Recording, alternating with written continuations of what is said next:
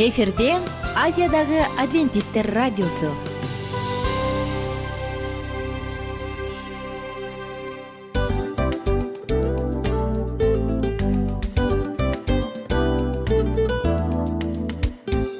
Достор салют!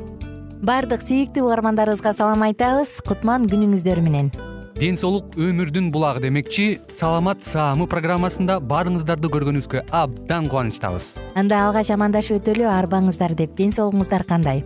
Э, элибизде көбүнчө ден соолук кандай дегенде эле жакшы деп жооп беребиз э ооруп турсак дагы жакшы дейбиз. Анан мен муну айтып ойлойт элем бул абдан сонун сөз депчи. Анткени бул жакшы деген үмүт да ооба. баары жакшы болот. Баары сонун. Деп үмүттөнүп атып эле өзүбүздү өзүбүз дарылап коебуз. Анысы кандай? Сиздин дагы ден соолугуңуз жакшы беш деген үмүттөбүз чындыгында ден соолук бул өмүрдүн булагы деп бекеринен айтылган эмес деп ойлойм. Кыргыз элинде анткени эгерде ден соолук жок болсо анда адамдын жашоосунда калган баардык керектүү маңыздуу нерселер өзүнүн баалуулугун жоготуп коет. Ошондуктан ден соолук бул эң керектүү нерсе. Ооба туура айтасың кесиптешим чынында ден соолугуң жок бир эки үч күн ооруп калсаң эле э кандай болуп калат? Жашоодо көз каранды болуп каласың көп нерсеге жетишпей каласың көп нерсени кыла албай каласың жада калса эчке дүкөнгө да чыга албай каласың. Туптуура анан ден соолук болсо демек биз биздин бактыбыз тотойт деп койсок болот. Анда достор саламат саамы рубрикабызды баштайлы. Алдыда өзүңүзгө керектүү болгон сонун кеңештерди уга аласыздар. Мына ошондуктан биз менен бирге болуңуздар. Ал эми биз болсо милан жана айнура. Кеттик алга. Алга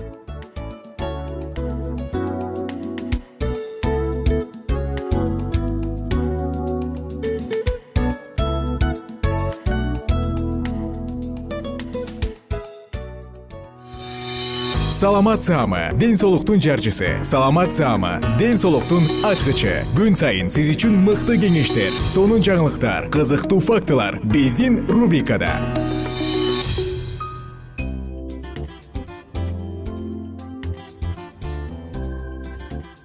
Салам достор. Жалпы угармандарыбызга ысык салам айтабыз дагы. Сиздер менен кайрадан сонун уктуруубузду баштадык. Бүгүнкү тема денебиздин материалдык курамы кайсы бир учурда ойлонуп көрдүңүз беле? Адамдын денеси канча сом турат деп.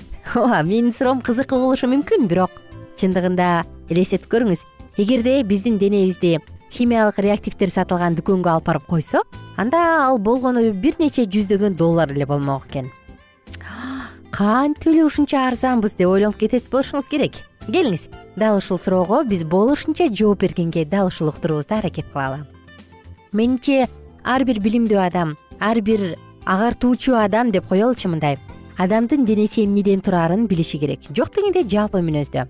Бул тууралуу болсо биз уктуруубузду айтып берелик. Анткени бул чындыгында кызыктуу. Мунун баардыгы химия.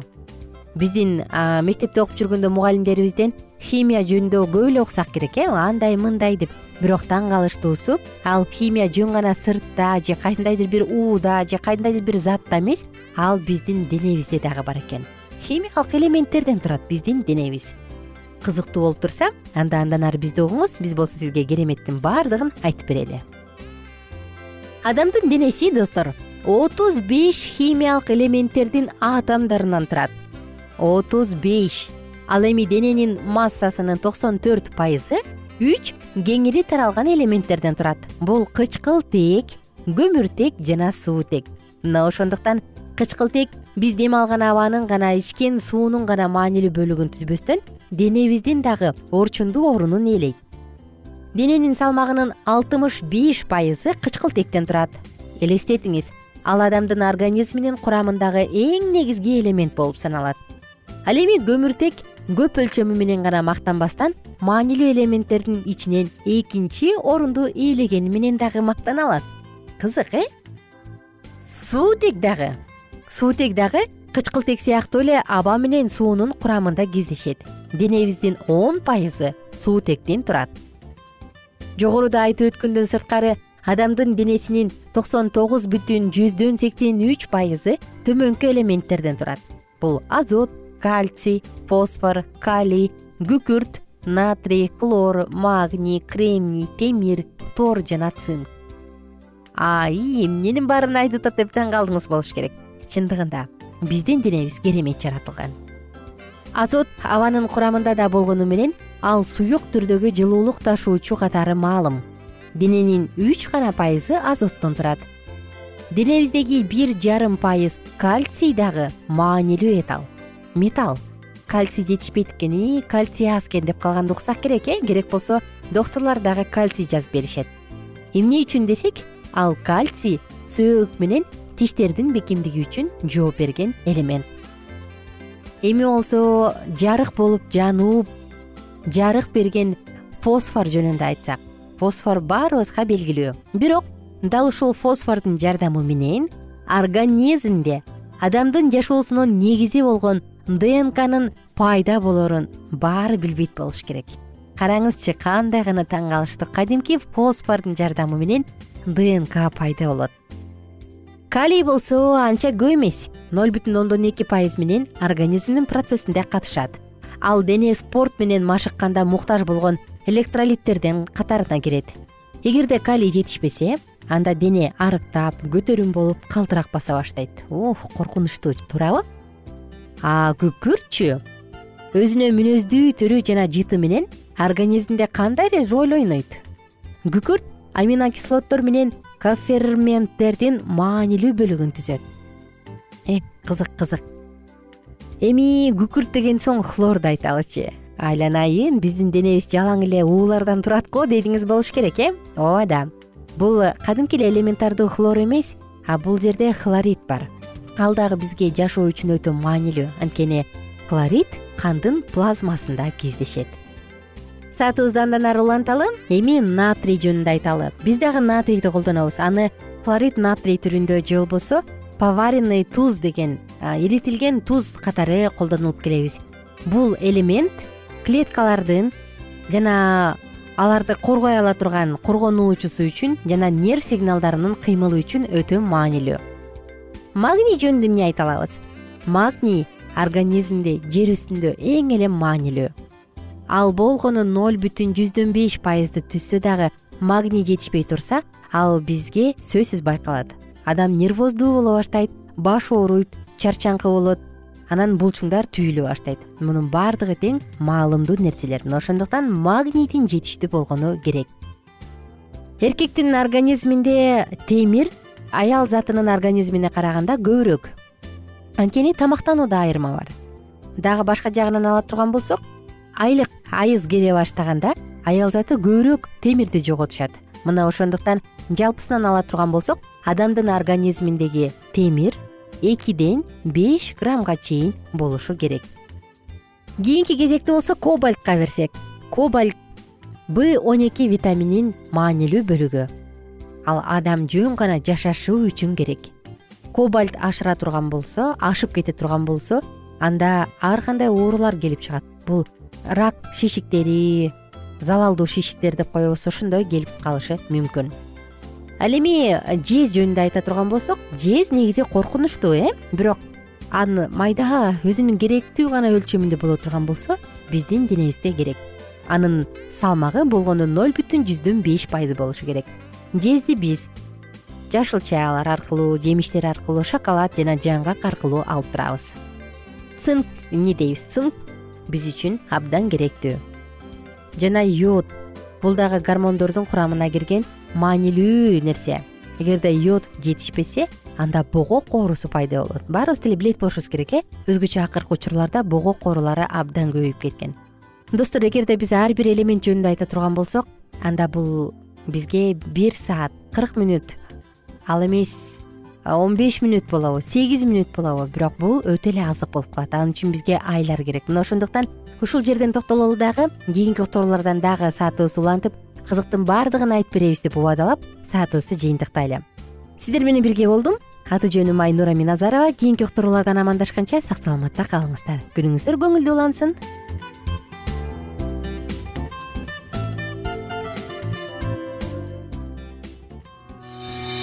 саламат саама ден соолуктун жарчысы. Саламат саама ден соолуктун ачкычы. Күн сайын сиз үчүн мыкты кеңештер сонун жаңылыктар кызыктуу фактылар биздин рубрикада.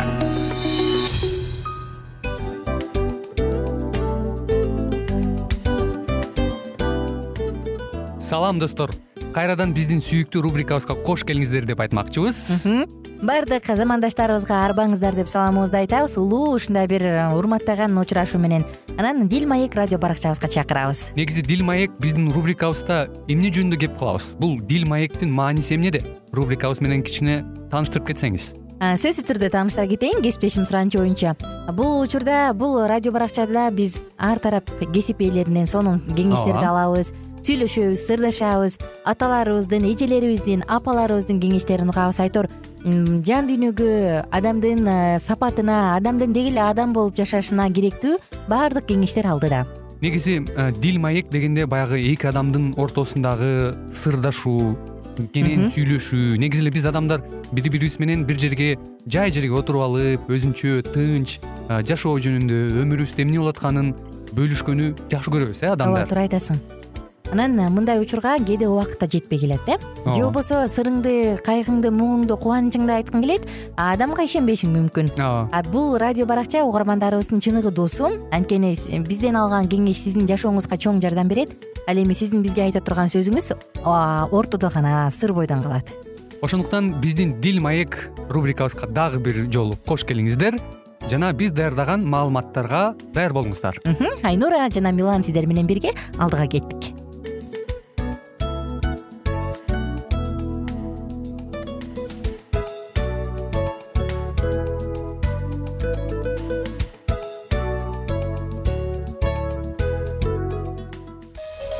ар түрдүү ардактуу кесип ээлеринен. Алтын сөздөр жүрөк ачышкан сыр чачышкан сонун маек. Дил маек рубрикасында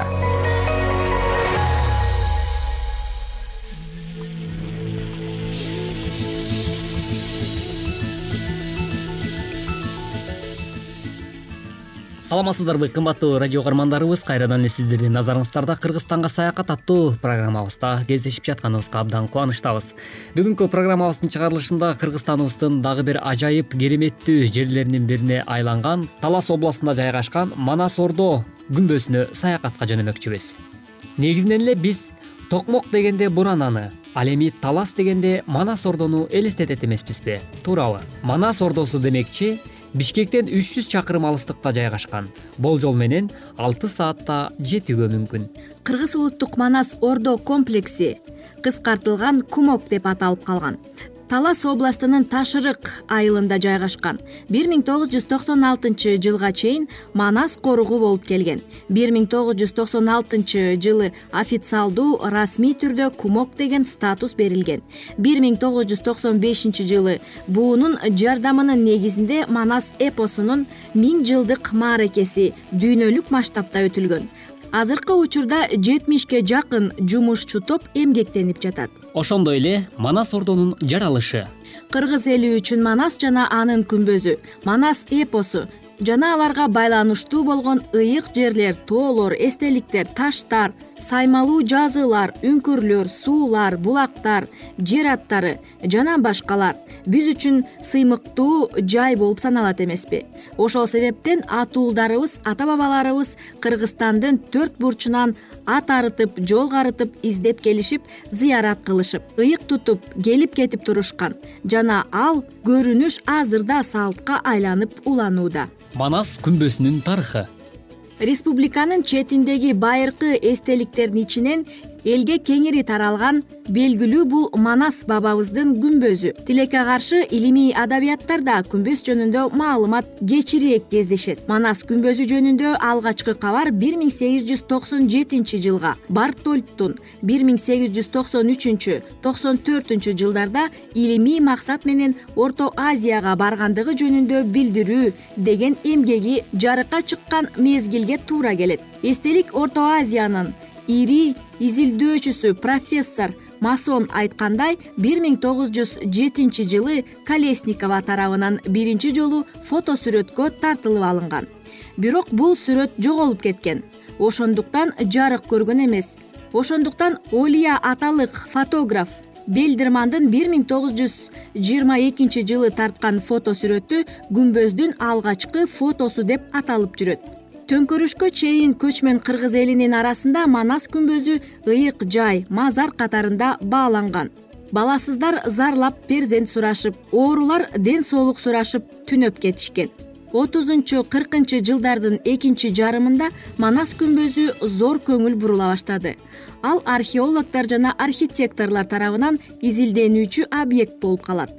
Бир миң тогуз жүз отуз төртүнчү жылы басма сөздөргө ивановдун таластын баш жагынын тарыхы жөнүндө маселеге карата деген макаласы жарыяланып андан манас күмбөзүнүн архитектурасы тууралуу айтылуу менен эстеликтин сүрөтү да басылган кыргыз ссринин эл комиссиялар советинин алдындагы илимий комитет менен кыргыз педагогикалык институтунун директору зиманын жетекчилиги менен уюштурулган археологиялык экспедициясы бир миң тогуз жүз отуз жетинчи жылы күмбөздүн ички бөлүгүн казуу иштерин жүргүзгөн.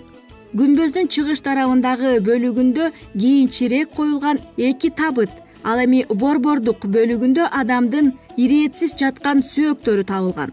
Илимий экспедицияга катышкан кызматкерлер менен жергиликтүү калктын өкүлдөрү күмбөздүн алдында сүрөткө түшүшкөн ал сүрөттү архивден музей коруктун илимий кызматкерлери жунушалиев жана ибраилевдер табышып музейдин фондусуна өткөрүп беришкен. Бир миң тогуз жүз отуз сегизинчи жылы күмбөздү кыргыз илимдер академиясынын тарых институтунун александр натанович берштамдын жетекчилиги астында жети суу археологиялык экспедициясы изилдей баштаган экспедиция күмбөздүн ичин эки ирет казууга киришет. Күмбөздүн жер алдында бир миң тогуз жүз отуз жетинчи жылы табылган сөөктөн тышкары дагы жыгач табылган.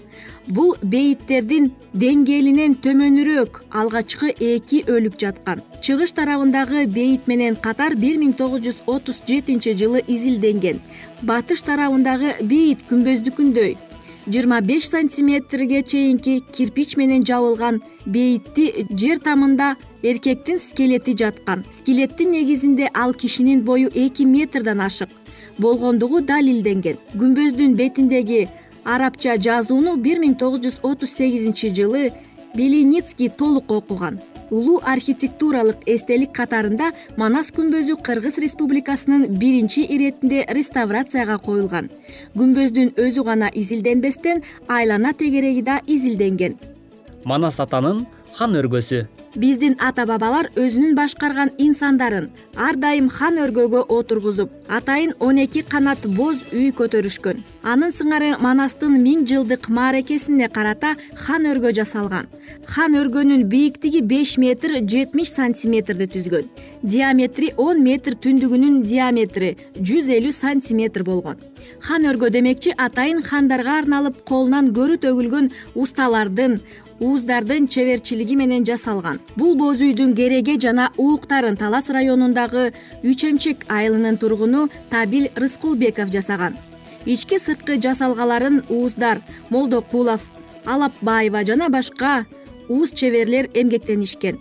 Боз үй манас эпосунун миң жылдык мааракесинде баш байгеге татыктуу болгон. Мындан сырткары дагы кыргыз улуттук манас ордо комплексинин ичиндеги аймактар комокто көптөгөн объекттер курулган. Алар администрациялык корпус манас таануу борбору авто унаалар жайлары манастын кырк чороосун чагылдырган көпөрө же арка оң тарабында манас ата гүлзар багы гүлзар бактын ичинде манас жана анын кырк чороосунун айкели чагылдырылган. Сол тарапта манас айылы эки кабаттан турган манас эпосунун музейи манастын күмбөзү манас кароол чокусу элдик дарыгерлер борбору жана түлөөкана улуттук ат оюндарды ойнотуучу ат майданы жана башка ички объектилер жайгашкан. Кымбаттуу угармандарыбыз бүгүнкү кыргызстанга саякат аттуу программабыздын чыгарылышында манас ордо комплексине саякатка барып келдик. Кийинки берүүбүздөн кайрадан эле биз сиздер менен дал ушул толкундан үн алышканча сак саламатта болуңуздар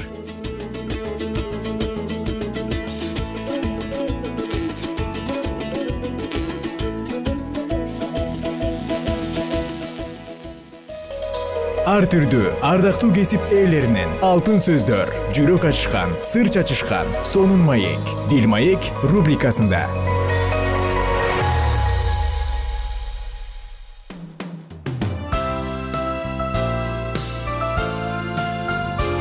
Эфирде азиядагы адвентисттер радиосу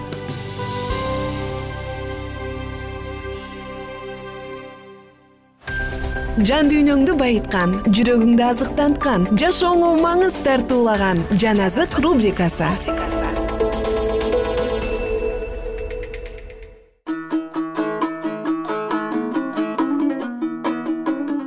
Кутмандуу күнүңүздөр менен салам достор жалпыңыздарга сагынычтуу салам айтабыз дагы. Улуу күрөш китебин андан ары улантабыз. Биринчи периште мындай деп чакырык кылат. Кудайдан корккула жана аны даңктагыла жана ага асман менен жердин жаратуучусу катары баш ийгиле. Муну жасаш үчүн алды менен кудайдын мыйзамдарына моюн сунуу керек. Даанышман сулайман мындай деп айтат. Кудайдан корк. Жана анын осуяттарын бекем сакта. Анткени адамдарга керектүүнүн баары ушунда. Насаатчы он эки он үч. Анын осуяттарына баш ийбегендик менен кудайга кызмат кылып жагуунун мүмкүн эмес. Биз кудайды сүйгөнүдүгүбүздү анын парыздарын сактап жүргөнүбүздөн билебиз. Ким мыйзам угуудан өз кулагын четтетсе анын сыйынганы дагы арам. Биз кудайга гана табынышыбыз керек. Анткени ал жаратуучу жана бардык жаратылыш ага гана өздөрүнүн жашап жаткандыгы менен милдеттүү. Мукадаста кудай адамдардан алардын ага табынып баш ийүүсүн талап кылган жана ошол эле жерде анын жаратуучу күчү айтылып кетет. Бардык элдердин кудайлары жасалма нерселер ал эми теңир асмандарды жараткан. Забур токсон беш беш. Мени силер кимге окшоштуруп кимге салыштырып жатасыңар дейт ыйык теңир. Көздөрүңөрдү чоң ачып асман бийиктерине карап көргүлө аны ким жаратты? Анткени асманды жараткан теңир мындай дейт ал кудай жерди жараткан жана аны пайда кылган. Мен теңирмин жана башкасы жок. Ышая кыркынчы бап жыйырма бешинчи жыйырма алтынчы аяттар. Забурда мындай деп айтылат. Теңирдин кудай экенин жана ал бизди жаратканын биз аныкы экендигибизди билгиле келгиле сыйыналы жыгылалы биздин жаратуучуну теңирдин бет алдына тизебизди бүгөлү. Ал эми ага асманда табынышкан ыйык периштелер өз баш ийүүлөрүн мындай сөздөр менен билдиришет. Теңир сен даңкты урмат жана кубат алууга татыктуусуң. Анткени бардыгын сен жараттың. Аян китеби төртүнчү бап он биринчи аят. Аян китебинин он төртүнчү бабында жаратуучуга табынуу керек экендиги жөнүндөгү чакырык айтылган. Жана пайгамбарлык дагы үч периштенин эскертүүчү кабарын кабыл алгандыктан кудайдын парыздарын сактаган адамдар жөнүндө баяндайт. Төртүнчү осуятта мындай деп айтылган. Жетинчи күн ишемби сенин кудай теңириң үчүн. Анткени теңир алты күндө асман менен жерди деңизди жана анда жашагандын баарын жаратып бүткөн. Ал эми жетинчи күнү тыныгып эс алгын. Ошондуктан теңир ишемби күндү алкап ыйык кылып койгон. Экинчи муса жыйырманчы бап онунчу он биринчи аяттар. Ишембиге байланыштуу теңир дагы мындай дейт бул бирикме белги. Ошентип мен силердин кудай теңириңер экендигимди билгиле. Жезекел жыйырма жыйырма. Мына ошол себептен анткени теңир алты күндө асманды жана жерди жараткан ал эми жетинчи күнү тыныгып эс алган. Экинчи муса отуз биринчи бап он жетинчи аят. Ишемби жаратуунун эстеликки катары маанилүү. Анткени ал бизге кудайга чыныгы кызмат кылып табынганыбызды ар дайым эскертип турат. Анткени ал жаратуучу ал эми биз болсо анын жаратылышыбыз. Ишемби сыяктуу баардык кызмат кылууларды бириктирген негиз жок. Анткени ал бул чындыктарды көңүлгө толоорлук кылып көргөзүп турат. Кудайга кызмат кылуунун себеби бир гана ишемби күнү эмес бирок толугу менен алып келгенде кудай менен анын жаратылышынын ортосундагы айырмачылыкты билдирип туруучу негиз болуп саналат. Бул улуу чындык эч качан эскербейт жана аны эч убакта унутууга болбойт. Бул чындыктарды ар дайым адамдарга билдирип туруш үчүн кудай ишембини бейиш багында белгилеп койгон. Жана ошол мезгилден тартып биз теңирге жаратуучу катары табына турган болсок анда ишемби кудайдын жаратуучу экендигин эскертип туруучу белги болуп саналат. Эгерде бардык адамдар ишемби күнүн ыйык сактай турган болушса анда адамдардын ою жана сезимдери өз жаратуучусуна кайрылып жер үстүндөгү бир дагы бутка табынган жана кудайды тааныбаган адам болмок эмес. Ишемби күнүн ыйык сактоо асман менен жерди деңиздерди жана булактарды жараткан чыныгы кудайга карата ишенимдүүлүктү көргөзүү. Кудайга табынып жана анын парыздарын сактоого арналган эскертүүчү кабар өзгөчө төртүнчү осуятты сактоо зарыл экендигин эскертип турат үчүнчү периште каардуулук менен жалгандыкка берилип кеткендерге карата айткан эскертүүчү кабарындагы адамдар кудайдын парыздарын сактап жана ыйсага болгон ишенимди карманган адамдардан кескин айырмаланып турат. Ким айбанга жана анын түрүнө табынса жана анын белгисин чекесине же колуна ала турган болсо анда ал кудайдын каары толтурулган шарапты ичет деп жазылган аян китеби он төртүнчү бап тогузунчу онунчу аяттарда бул кабарды туура түшүнүш үчүн бул символдорду туура талкуулоо дагы зарыл. Айбан жана анын түрү белгиси деген өзү эмнени билдирет? Бул символдор берилген пайгамбарлыктар аян китебинин он экинчи бабында машаякты төрөлгөндө өлтүрүүнү каалаган ажыдаарды сүрөттөгөн аяттарда башталган. Ажыдар андан тышкары шайтан деп дагы аталат. Ал иродду куткаруучуну өлтүрүүгө мажбурлаган бирок шайтандын машаякка жана анын элине каршы биринчи кылымдагы күрөшүүсүндөгү эң чоң куралы бутпараст динин тутушкан рим империясы болуп эсептелген. Ошондуктан ажыдар биринчи шайтанды сүрөттөгөнү менен ал бутпарас римдин дагы символу болуп саналат. Аян китебинде он үчүнчү бап биринчи онунчу аяттарында ажыдар өз күчүн тактысын жана улуу бийлигин берген башка дагы илбирске окшоп окшош айбан сүрөттөлгөн. Бул символ көпчүлүк протестанттардын айтуусу боюнча папалык кыймылды көргөзүп турат. Алар мурас катары байыркы рим империясынан күч такты жана бийлик алышкан. Илбирске окшогон айбан жөнүндөгү мындай дейт. Текебер сүйлөгөн жана кудайды жамандаган ооз айбанга берилген. Жана кудайды жамандаш үчүн анын ысымына анын жашаган жерине жана асманда жашагандарга тил тийгизиш үчүн ал оозун ачты жана бардык уруунун элдин тилдин тукумдун үстүнөн ага бийлик берилди.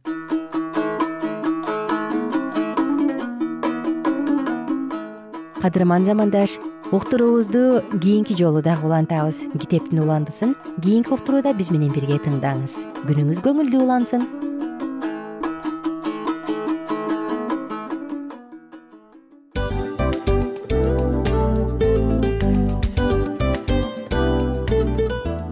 мына ушинтип убакыт дагы тез өтүп кетет экен биз дагы радио уктуруубуздун аягына келип жеттик. Келип кубандырдыңар эми кетип кубандыргыла деп тамашалап калышат эмеспи анысы кандай? Радио баракчабызды программабызды азыр эле баштап аткандай болдук элек мына соңуна келдик э? Негизи убакыт билинбей өтүп кетет экен? Мен дагы убакыт дегенде бүгүн бир адам менен сүйлөшүп калдым. Анан убакыт бул мүмкүнчүлүк деп айтып өзүмө өзүм айтып алып анан мага өзүмө эле кайра ачылыш болду да чын эле Э, карап отурсаң ошол эле жыйырма төрт саат ошол эле жарым саат кайталанып атат бирок сендеги мүмкүнчүлүк жок ошол кой берилип кетти? Анысы кандай? Бүгүнкү сонун убактыңызды алтындай болгон жарым саатыңызды бизге бөлүп арнаганыңыз үчүн ыраазычылык айтабыз. Анан жашооңуздун кайсы бир сферасын өзгөртө турган сонун пайдалуу кеңеш алган болсоңуз анда биз максатыбызга жеттик. Анан ушул нерсени кылбасам десеңиз ошол өзгөрүүлөрдү кичинекей кадамдардан баштап иш жүзүнө ашырыңыз дагы жашооңузда чоң чоң ийгиликтерге жетиңиздер чын жүрөктөн ар бир берилген кеңештер сөздөр сиздерге пайдасын алып келет деп ишенебиз. Жана кийинки уктурууларда сөзсүз түрдө чыдамсыздык менен сиздерди күтөбүз. Сагынычтуу салам айтып кайрадан дал ушул жыштыктан баардыгыңыздарды тосуп алганча. Кызматта мен айнура жана кесиптешим милан. Анда кол пулга алайбыз. Жалпыңыздарга ийгиликтүү күн. Саламатта калыңыздар